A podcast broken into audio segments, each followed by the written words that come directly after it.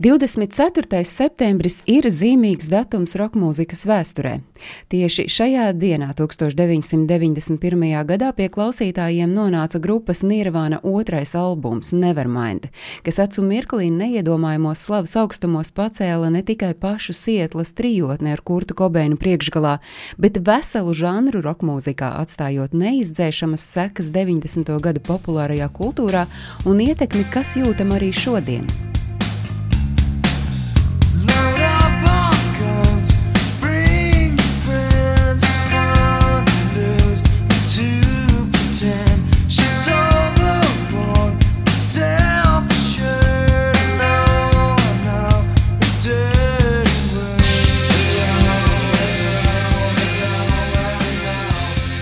Albuma panākumus jau bija iesildījis 10. septembrī izdotais dziesmas Smells Like Teen Spirit singls. Savukārt 13. septembrī, kas 1991. gadā bija piekdiena, notika albuma noklausīšanās ballīte lūgtajiem viesiem, medijiem un mūzikas industrijas pārstāvjiem. Tā ballīte izvērtās mežonīga, mētāšanās ar ēdienu, daudz alkohola un izpūsts ugunsdzēšamais aparāts. Viss beidzās ar to, ka kluba ārā sviedējs aiz durvīm izlika arī pašus ballītes vaininiekus. Tikmēr Nevermind izdevēji neloloja lielas cerības jaunā albuma panākumiem, tomēr velti. Tā uzvaras gājiens bija vienkārši žilbinošs, un tas bija kaut kas vairāk nekā pirmās pozīcijas pārdotāko albumu topos.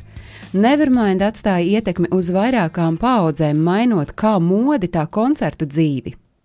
Dažādi avoti vēsta, ka legāli pārdoto albumu kopiju skaits pārsniedz 25 miljonus, bet iespējams tas sasniedz pat 30 miljonus. Turklāt, ņemot vērā to brīdi plaukstošo mūzikas pirātismu un tehnoloģiju attīstību, reālais daudzums pavairoto Nevermind kopiju ir noteikti daudz lielāks.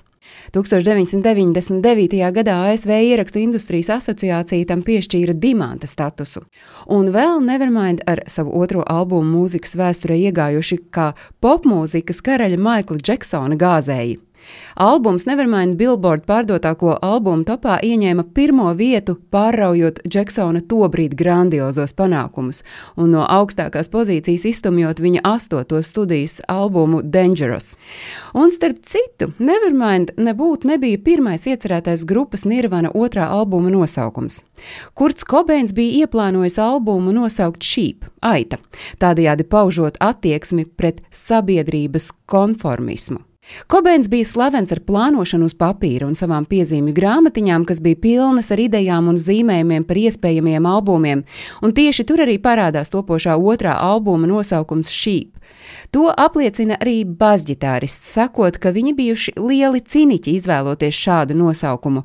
Tomēr vēlāk tas atmests un izvēlēts mums labi zināmais Nevermind. Un vēl tikpat zīmīgs kā albuma saturs ir tā vāciņš. Spencers Eldens šobrīd ir pieaudzis vīrietis, tomēr viņš uz mūžu paliks Nirvana baby, jo viņa zīdaiņa vecuma kailfoto uz albuma Nevermind vāciņa ir redzējuši miljoniem rokmūzikas cienītāju visā pasaulē.